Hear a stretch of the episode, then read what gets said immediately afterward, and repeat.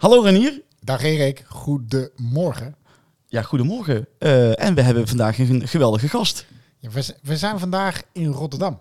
Rotterdam, ja. En we zitten op Brainpark. En onze gast is... Philip Smits, CEO van Blauwhoed. Uh, Blauwhoed is een onafhankelijk ontwikkelaar die in 1616 is opgericht als entiteit. Vanuit die tijd uh, weten zeg hoe we constant uh, de verandering moeten aangaan om uiteindelijk het voortbestaan te bevestigen. Ja. Hartstikke mooi. Welkom, Filip. Uh, Dank uh, dat je uh, nou ja, deelneemt in, de, in, de, in deze podcast. In de volgende podcast van Onroerend Goede Gasten. Ik probeer het nog even op te laten inwerken. 1616, dat is wel echt heel lang. volgens mij daarmee ook de, de oudste ontwikkelaar van Nederland. Philip? Ja, de oudste ontwikkelaar van Nederland en misschien wel meer. dat, dat zal zomaar kunnen zijn. 400 ehm, jaar terug. Ja, dat is natuurlijk een heel, heel end. de, de, de totale geschiedenis ken ik natuurlijk niet helemaal, maar vanaf het begin uh, is daar natuurlijk wel veel van bekend. En de laatste 40, 50 jaar natuurlijk veel meer. Dus uh, ja, zeker nee, uh, prachtig mooie geschiedenis. Leuk. En we kijken hier uit over de skyline van Rotterdam. Dat kunnen jullie niet zien, want het is tenslotte een podcast, maar wel leuk om te vertellen. En daar is ook heel veel gebeurd. Zullen we gaan beginnen met de stellingen? Laten we dat gaan doen. Stelling 1. Is Blauwhoed nog steeds koploper in innovatie met bijvoorbeeld het participatieplatform? Ja die is wel vrij duidelijk. Die is duidelijk. in elk geval. Stelling 2. Is ontwikkelen nog wel rendabel in de huidige markt? Mm, twijfel. Kijk, ja, dan moet je moet toch kiezen. ja. ja. Dan gaan we daarna nuanceren. Stelling 3. Heeft inzicht in data een strategische visie van Blauwhoed veranderd? Jazeker. Dat is ook vrij duidelijk. Stelling 4. Is het doel van Blauwhoed gelukt? Kwaliteit van leven en geluk en gezondheid van gebruikers verbeteren? Ja. En dan stelling 5. Ontwikkelen in Rotterdam, Amsterdam of Berlijn? In Nederland. Nou, dan valt Berlijn in elk geval af. en en, en dan, dan hoor ik nog een twijfel. Kantoren zowel in Amsterdam als Rotterdam, Filip, eh, om even daarop door te gaan. Um, je zegt in Nederland. Kun je daar iets over zeggen? Ja, het is natuurlijk moeilijk om een keuze te maken tussen Rotterdam en Amsterdam. Maar zeker. Eh, Levensgevaarlijk zou ik best wel willen zeggen. Zeker met kantoorgenoten die we natuurlijk ook in Amsterdam hebben zitten. Ik denk uh, dat uh, zowel Amsterdam als Rotterdam haar eigen dynamiek kent in het, in het ontwikkelen. En beide doen we heel veel zaken mee. Dus in die zin doen we dat alle twee heel erg graag. Om daar in ieder geval nou, te zorgen dat wat er nodig is, daar ook te kunnen realiseren. Ehm, dus ik wil er eigenlijk geen expliciete keuze maken. Maar Berlijn is toch wel iets anders. Dat is Duitsland namelijk. Zeker. En, en Duitsland uh, is toch weer een hele andere markt dan, eh, dan Nederland. De structuren zijn er anders, de juridische structuren zijn anders, de competitiviteit is anders. Er zijn er wel heel veel andere dingen gaande dan, uh, dan in Nederland. hoewel de markt in die zin wel een beetje vergelijkbaar is. Ja. Maar het is toch echt een Nederlandse ontwikkelaar? Ja, absoluut. Ja. We hebben wel in het verleden in allerlei landen gezeten. Maar uh, begin 80 jaar hebben we dat allemaal teruggetrokken naar, uh, naar Nederland. En uh, begin 2008, 2009 hebben we ons helemaal weten te focussen op de dingen die we nu eigenlijk doen. Ja, helder. Helder. Hey, even terug naar, naar stelling 1. Ehm, dat was in, is, is Blauwhoed nog steeds koploper in innovatie met bijvoorbeeld participatieplatform? Ja, daar zei je natuurlijk ja op. Dat begrijp ik. Kun je daar iets meer in toelichten waarom je dat zo vindt en hoe, hoe we dat zien, hoe we dat merken? Ja. Uh, leidend in innovatie, niet alleen op een participatieplatform, maar leidend in de innovatie. Uh, omdat we in onze organisatie proberen te zoeken naar uh, optimalisaties. Hè. Dus de optimalisatie zit in mijn zin niet in het nog meer aannemen van mensen, maar het slimmer werken met mensen. en hoe ga je slimmer werken met mensen? Door te kijken, vooral in technologie, waar ik een behoorlijke affiniteit mee heb. technologie te kijken waar het ons kan toevoegen. Waar het ons kan helpen, waar het ons kan versnellen. Waar de denkkracht groter is dan de menselijke denk denkkracht die hier zit. En dat is de zoektocht waar ik constant mee bezig ben om te zorgen dat we met dezelfde hoeveelheid mensen steeds slimmer gaan werken en uiteindelijk ook meer kunnen doen. In een steeds veranderende markt die complexer en complexer wordt met de dag dat, het, nou ja, dat de dag verstrijkt. Dus dat is mijn, mijn zoektocht voor de organisatie. Dus leidend daarin, uh, nou, een aantal voorbeelden daarin zijn natuurlijk het participatietraject, wat in onze klantreis helemaal is meegenomen. We werken veel met Citizen Lab, zowel online als offline. Doen we in de co-creatiesessie natuurlijk allerlei zaken om te zorgen dat de, um, de producten die wij maken op het juiste moment, uh, met de juiste kwaliteit, met de juiste inhoud in de markt worden gezet. Uh, dus dat is de, de, de zoektocht die we hebben, maar waar, waarbij we ons buiten ook laten helpen in die, in die sessies. maar we proberen ook meer denkkracht vanuit de technologie te organiseren door bijvoorbeeld een laatste samenwerking aangaan met een, met een bedrijf Spacemakers, een Fins bedrijf dat heel erg uh, nou, slimme uh, algoritmes heeft gebouwd op basis van uh, alle facetten op een locatie die maar belemmerend kunnen zijn. Die voor ons vanuit een bepaalde vraagstelling stedenbekundige plannen genereert. Die ehm, nou, ons helpt in, het, in de concepten die we daar zouden moeten realiseren.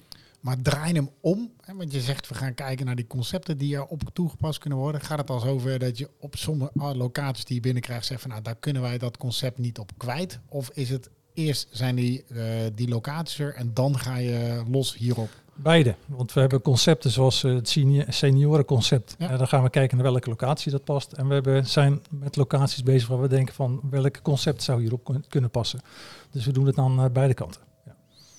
Dus ik zag dat je geïnspireerd werd uh, in Amerika. Volgens mij al voor de crisis, 2012 las ik ergens dat je daar uh, was en geïnspireerd uh, werd. Ehm, nou, toen kwam de crisis er even overheen, maar daarna ben je echt wel volle bak doorgegaan. En, en, je hebt hier ook je studio met, met Yvonne volgens mij. Zeker. En, en het is wel, wel, goed om daar, denk ik, nog even in, in uit te leggen wat je nou onderscheidt van andere ontwikkelaars daarin. Want eigenlijk zie je alle ontwikkelaars die dat doen, maar wat maakt Blauw daarin uniek?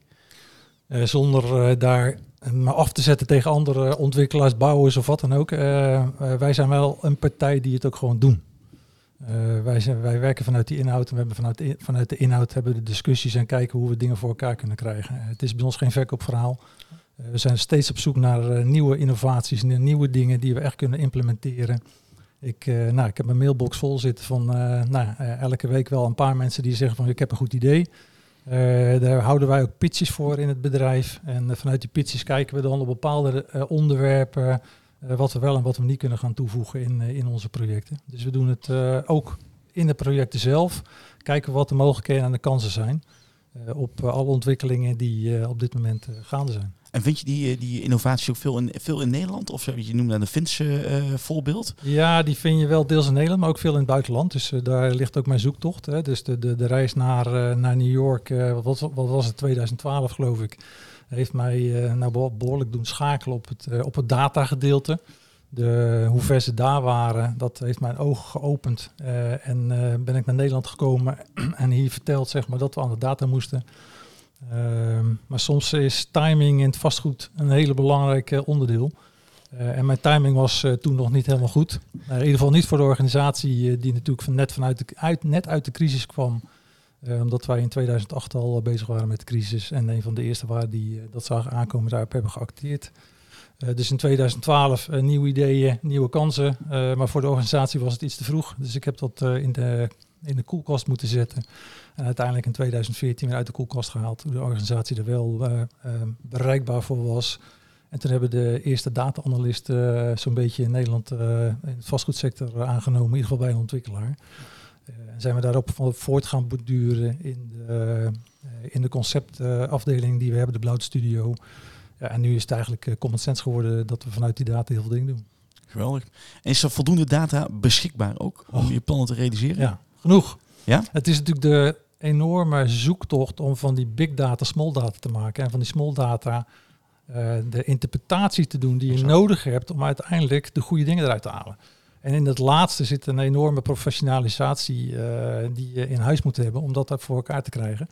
En uh, nou, dat doen wij in huis. Ehm, we, hebben, maar we halen heel veel data overal vandaan ehm, en zorgen dus zeg maar, dat, dat dat geïmplementeerd wordt in onze projecten.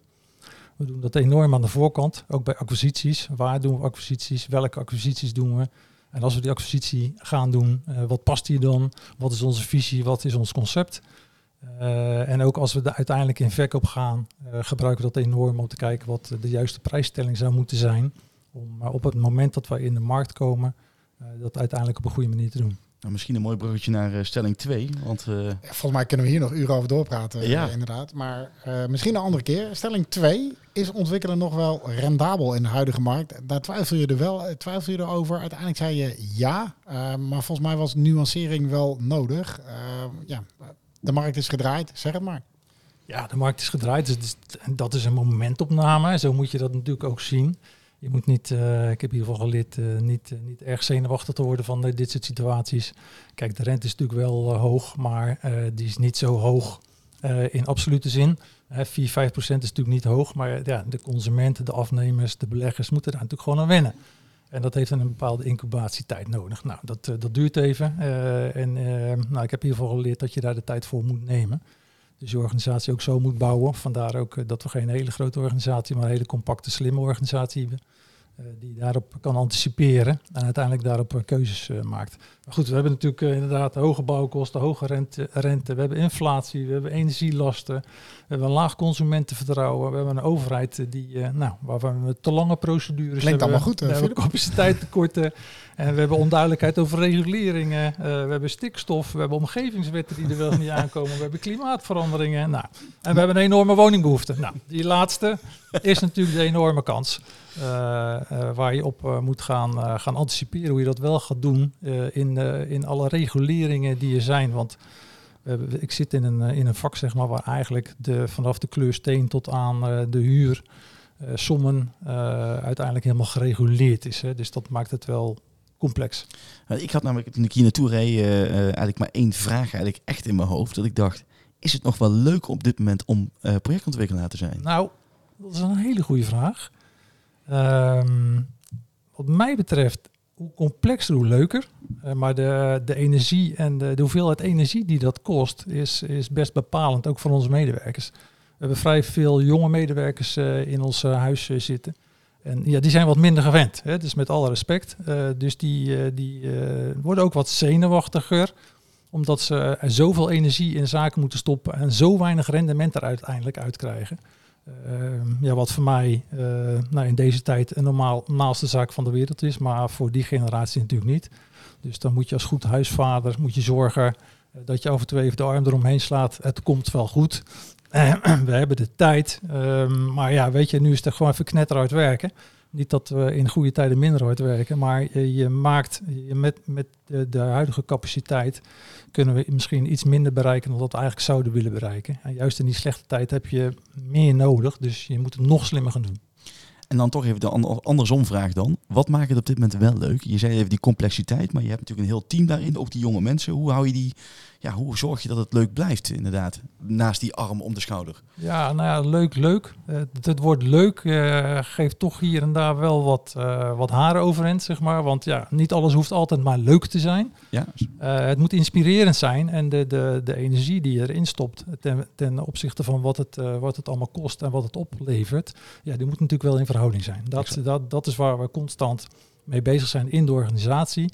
Zorgen dat die verhouding goed blijft. Hè? Dus eh, meehelpen. We zijn allemaal eh volmannen die meewerken. We zijn geen eh, directie die aan het besturen is. We zijn een ondernemende organisatie. We zijn ondernemend. En die verantwoordelijkheid ligt ook heel diep in die organisatie. En wij proberen constant te faciliteren om te helpen. En en ja, zoals ik het vaak noem, de bananenschillen weg te halen. Eh, en soms merken ze nog geen, eens dat die bananenschil daar lag, zeg maar. Eh, zodat ze nou, ja, vooruit kunnen op een manier eh, dat, eh, dat ze vooruit komen. hoor. Klinkt als een mooie uitdaging. In elk geval. Toch even benieuwd, hè, vorige week het FD, over die coöperaties die dan de reddende engel zouden zijn. Je hebt het ongetwijfeld gelezen. Eh, hoe kijk je daar tegen? Nou, ik denk eh, dat ze die ruimte die er nu is, dat ze die ook echt aan het nemen zijn.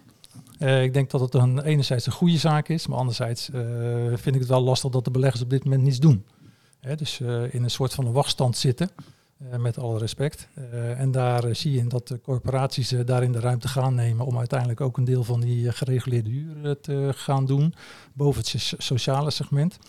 De ruimte ook gecre- gecreëerd wordt op dit moment. En nou, in sommige projecten zien we zeg maar, dat ze ook echt de helpende hand kunnen zijn. Dus ik denk dat dat enerzijds een hele goede stand is waarin ze nu eh, zitten. Ehm, alleen, het moet natuurlijk wel samen.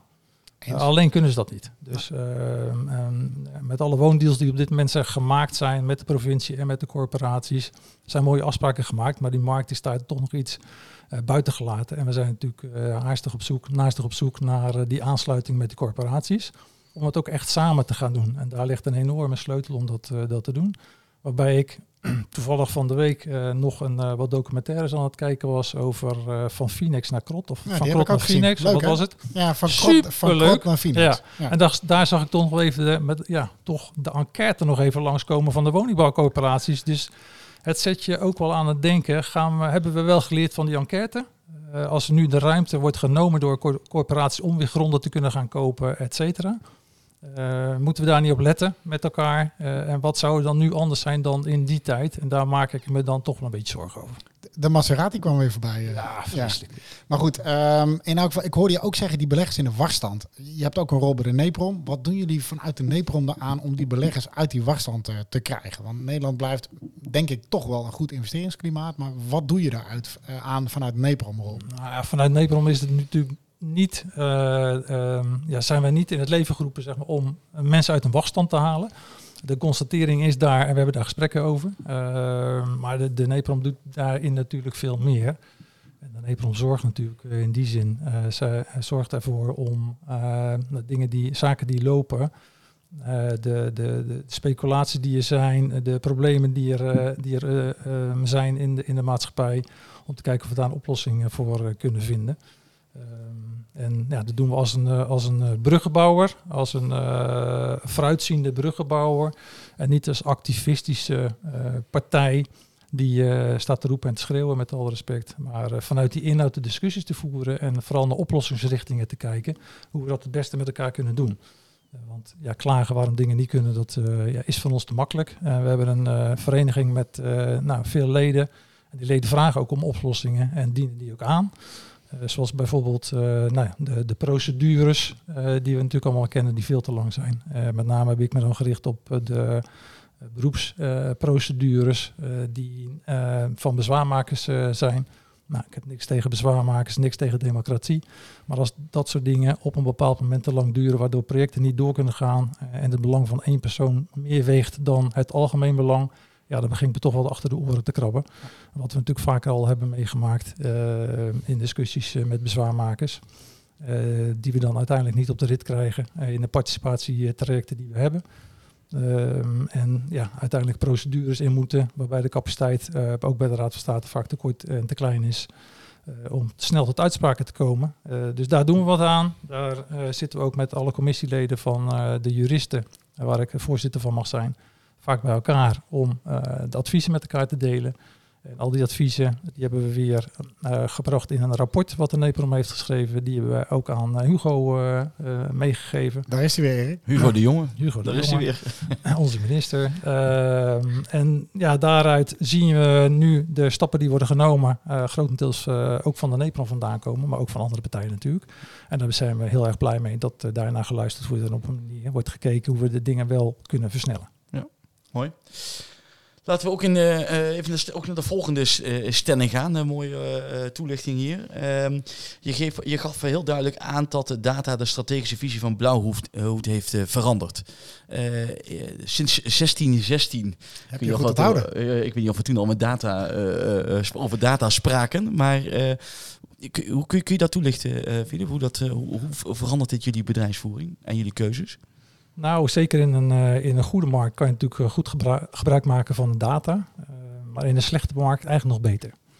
Dus dat is wat wij hier ook altijd zeggen. In een verslechterende markt hebben we eigenlijk nog meer datagegevens nodig om de juiste producten op het juiste moment voor de juiste kwaliteit in de markt te zetten. Um, en dat doen we ook aan de voorkant, zoals ik net al zei, bij acquisities. Welke plekken gaan we wel en welke plekken gaan we niet acquireren? Hoe acquireren we die dan? Wat is de potentie daarvan? Vaak eh, kunnen we de gemeentes op die plekken helpen met onze data om aan te geven zeg maar, wat daar allemaal leeft. En uh, wat uh, eigenlijk de, nou, de lekkages zijn in de behoeftes die vaak onder, onderbelicht blijven, die wij wel zien en op die manier kunnen invullen. Maar ik kan me dan voorstellen, ik, ik zat ook even kijken naar op jullie website te kijken, zo gaat dat dan. Eh, je noemde ook dat we hè, bepaalde, bijvoorbeeld de ouderen, eh, ve- veel vergrijzing, daar moet veel gebeuren om ouderen ook bijvoorbeeld te gaan teasen. Eh, je kan heel veel met data doen, je kan heel veel inzicht geven over wat er ontwikkeld moet worden. Maar vervolgens heb je natuurlijk ook nog een menselijk aspect, wat daarin eh, eh, eventueel een verandering moet plaatsvinden. Er moet een verhuizing plaatsvinden. Hoe, hoe ga je daarmee? Hoe, hoe doe je dat? Ja, de, de kracht zit zeker bij senioren ehm, die best wel willen verhuizen. En de stelling is dat die mensen niet willen verhuizen. En mijn stelling is dat die mensen wel willen verhuizen. Als ze maar zicht hebben zeg maar, op een plek eh, die voor hun voldoende is. Eh, en daarin moeten wij de verleiding gaan organiseren. Wij moeten ze verleiden om naar bepaalde plekken te, te komen. Dus hebben we in eh, 2014 of 2016 uit mijn hoofd hebben we een locatie in Schiedam eh, verworven. Waar wij een seniorenconcept hebben eh, gerealiseerd. En de stelling was daar, ook van de gemeente, ik vind het allemaal prima. eh, maar wij willen eigenlijk ook dat de mensen uit Rotterdam naar Schiedam komen. Was in die tijd natuurlijk helemaal niet eh, vanzelfsprekend. En wij hebben gezegd van dat gaat ons lukken. Ik wil zeggen, durf die zin eruit te spreken. Ja, Dat was, zeker. eh, Ja, ja. Ik denk dat het een goede stelling was. ehm, omdat ja, uiteindelijk Schiedam natuurlijk eh, eigen- eigenlijk ook Rotterdam is, maar zo niet wordt gezien. Dus we hebben ehm, vanuit die verleiding zijn we dat concept verder gaan ontwikkelen. En we hebben de aansluiting gezocht bij die doelgroep. En uiteindelijk is een groot deel van de, die doelgroep die daar nu woont, die komt uit Rotterdam. En dat komt omdat we een concept hebben ontwikkeld waarin aansluiting is op eh, de gedachtegoed van die senioren. En senioren, eh, wij richten ons dan vaak op de actievere senioren, niet op eh, het zorgdeel, dat komt daarna. Maar het actieve deel, het na het werkgedeelte. Hè, dus, en waar mensen het zeker nog toe willen doen. Maar uiteindelijk in een situatie terechtkomen waar ze vaak niet meer toe doen. En ja, en dat is pijnlijk. Eh, en ik denk dat eh, als we dat op een goede manier kunnen ontsluiten, zoals we dat in Schiedam hebben gedaan. En op verschillende andere plekken ook eh, gebeurt. dat we die doelgroepen echt wel kunnen verleiden om naar een andere plek te komen. Het TIES-concept van Blauwhoed zou ik het eh haast Ja. willen gaan noemen. Eh, Het klinkt als een mooie eh, titel voor de podcast. Ja, zeker, zeker. Hey, doen jullie dat helemaal dan eh, echt helemaal in huis? Of hey, doen jullie dat, want dat, ja, ik kan me voorstellen dat je projectontwikkelaar versus het menselijk teasen, gebeurt dat allemaal bij, eh, in huis bij jullie? Of Ja we, ja, we doen dat zoveel mogelijk in huis, omdat wij eh, ook zien eh, dat eh, we zelf vinden dat die kwaliteit eh, het beste georganiseerd kan worden als je dat eh, intern doet. Maar natuurlijk hebben we daar clubs voor bij- bij eh, aangesloten die ons daarbij helpen. Ja. Maar wij zijn echt de regisseur, wij echt, zijn echt bepa- bepalend daarin hoe we dat eh, het beste vinden dat wij dat kunnen doen. Helder? Eigenlijk is het alweer een mooi bruggetje naar de volgende stelling. Eh, Jongens, die- dit zit heel goed in elkaar dit. Ja, het is bijna over nagedacht, zou je zeggen. Eh, dat heeft natuurlijk met het, met het geluk te maken, hè. kwaliteit van leven. Daar zit dit ook al een beetje in. Ja, ik ga iets verder, ik noem het uit die ESG, maar de S van social. Hè, want volgens mij zit dat in die component. En we merken aan alle kanten dat het steeds belangrijker eh, wordt. Ehm, jullie zijn al vroeg mee begonnen, maar je merkt, hoe merk je en hoe meet je dat dat nou succesvol is? Ja, het meten is natuurlijk best nog ingewikkeld. Exact. Dus eh, die data is weinig voorhanden. Dus die moeten we echt gaan opbouwen. En opbouwen betekent dat je het moet gaan doen. Eh, vanuit het doen eh, uiteindelijk gaat meten. En vanuit het meten meer gaat weten. En vanuit het weten weer terug gaat brengen in je, in je ontwikkelingen. Dus dat is eh, de zoektocht. De stelling hier is een paar jaar geleden geweest. Als je een woning van Blauwhoed koopt, leef je vijf jaar langer. Dat is een mooie. Toen gingen alle vraagtekens aan en, en ik kreeg wel duizend vragen op me afgevuurd. En ook werd er vaak verteld waarom dingen niet konden en hoe, hoe kan je dat nou, hoe kan je dat nou bezigen en ja, hoe gaan we dat dan meten, et cetera, et cetera. Nou, mij gaat het niet zozeer om eh, dat het misschien wel niet haalbaar is, maar mij gaat het meer om de gedachtegoed, hoe je dingen, naar dingen kijkt. En als ik dan ziet, eh, bijvoorbeeld vanuit de installaties, dat, eh, dat je op de Veluwe dezelfde installatie hebt dan eh, als je in eh, woont, dan denk je van ja, volgens mij gaat er dan toch iets niet goed hè, qua gezondheid. En als ik dan zie dat kantoren schoner zijn qua luchtkwaliteit dan je eigen woning, denk ik, ah, gaat er ook iets niet goed. Hè? En als je dan ziet dat je de, de connectiviteit met, met mensen vanuit de, de gedachte dat als je verbinding hebt met elkaar, eh, dat je dan ook gezonder en langer leeft. Eh, en je ziet dat nergens terug, dan gaat er ook iets niet goed. Dus nou, er zijn heel veel elementen die, als je die samensmelt, eh, tot een uiteindelijk een, nou, de Blue Zones kennen we natuurlijk. Dus daar is het ook wel op gebaseerd. Maar ook daar is het het, toe, het toe doen is een groot item. Uh, het voor elkaar zijn en zorgen is een groot item. En uh, nou, wij noemen dat hier gedragsgericht ontwikkelen. Dus wij, uh, als de mensen bij ons een huis hebben gekocht, of wat dan ook, in een wijk, dan krijgen ze geen beschrijving bij dit moet je doen en zo moet je lopen. Nee, het is vanuit het gedrag ontwikkeld. Dat je eigenlijk vanzelfsprekend eerst de trap neemt als je daartoe in staat bent, dan dat je de lift pakt. Bijvoorbeeld dat je eerst de fiets pakt, dan, de, dan je auto. Uh, en dat zijn allemaal hele kleine dingen om het, uh, uh, om het gezonder te maken in je, in je woonwijk. Dus kun je zeggen, eigenlijk gooi je zeggen, de, hè, we hebben nog niet voldoende data om het dan goed te meten, maar je hebt wel gewoon common sense, om het maar eventjes... Ja. en die, die, die, dat, dat gebruiken jullie al in jullie ontwikkelingen? Ja, zeker. Nou, nogmaals, we noemen dat gedragsgericht ontwikkelen. Ja. En wij kijken naar looplijnen, we kijken naar allerlei dingen. Uh, we kijken naar 10 minuten steden, we kijken nou, heel veel zaken die dan uiteindelijk zorgen dat die mensen daar langer, uh, daarmee gelukkiger, of gezonder en daarmee gelukkiger leven. Maar dat is nog wel vanuit jullie geredeneerd, hè? waar ik ook naar op zoek ben, wat doe je aan de community? Want uiteindelijk hebben we ook geleerd dat als die mensen zelf met elkaar verbinden, dat dat natuurlijk ook heel erg belangrijk is. Wat doe je daarin? Nou ja, ook daarin uh, doen we aan community building aan de voorkant. Ja. Uh, dus uh, dat begint eigenlijk al in het participatie- en co-creatietraject. Dat als die mensen die overblijven, die wel die woning gaan kopen, dat ze uiteindelijk ook elkaar al kennen. dus bij ons is er geen, geen, eerste paal waarin de mensen elkaar niet kennen. en daar begint het al mee. en dan beginnen er de dingen te ontstaan. En het seniorenconcept uh, uh, zijn we zo ver gegaan dat we daar uh, facility manager hebben neergezet die dingen met elkaar verbindt. maar ook de, de, de omgeving verbindt met elkaar. Hè. Dus dat het niet een stand-alone is en niet een bubbel wordt, maar ook de omgeving daarin laat, laat bijdragen. En die connectiviteit van die mensen om te zorgen dat ze elkaar kennen en herkennen. En als er dingen zijn of voor elkaar zorgen, ja, daar, daar, dragen wij in bij door aan de voorkant dat in ieder geval te faciliteren. Helder. Ja, volgens mij kunnen we nog uren doorpraten, Filip. Uh, alleen de tijd voor deze podcast zit er al bijna weer op. Maar voordat we gaan afsluiten, de, de inmiddels traditionele vraag. Yes. Van wie zou jij willen uitnodigen in de volgende podcast? En wat zou je vraag aan hem of haar zijn? Ja. Ik zou graag uh, Helene Aarts willen uitnodigen, CEO van uh, Amvest. En haar de vraag willen stellen, hoe krijgen we de beleggers wel zover dat ze ook in slechte tijden door blijven investeren? Nou, dat lijkt me een hele mooie vraag. En uh, we gaan alleen bellen. Mooi. Gaan we doen. Filip, uh, uh, nogmaals dank voor, voor jouw tijd en het mooie boeiende gesprek. Renier? Ik heb daar helemaal niks aan toe te voegen. Luister vooral weer via de kanalen jullie bekend naar deze podcast. En mocht je vragen hebben of mocht je zelf aan tafel willen, je weet ons te vinden via de kanalen. Dank jullie wel. Tot de volgende keer. Dag. Dank je wel. Dag.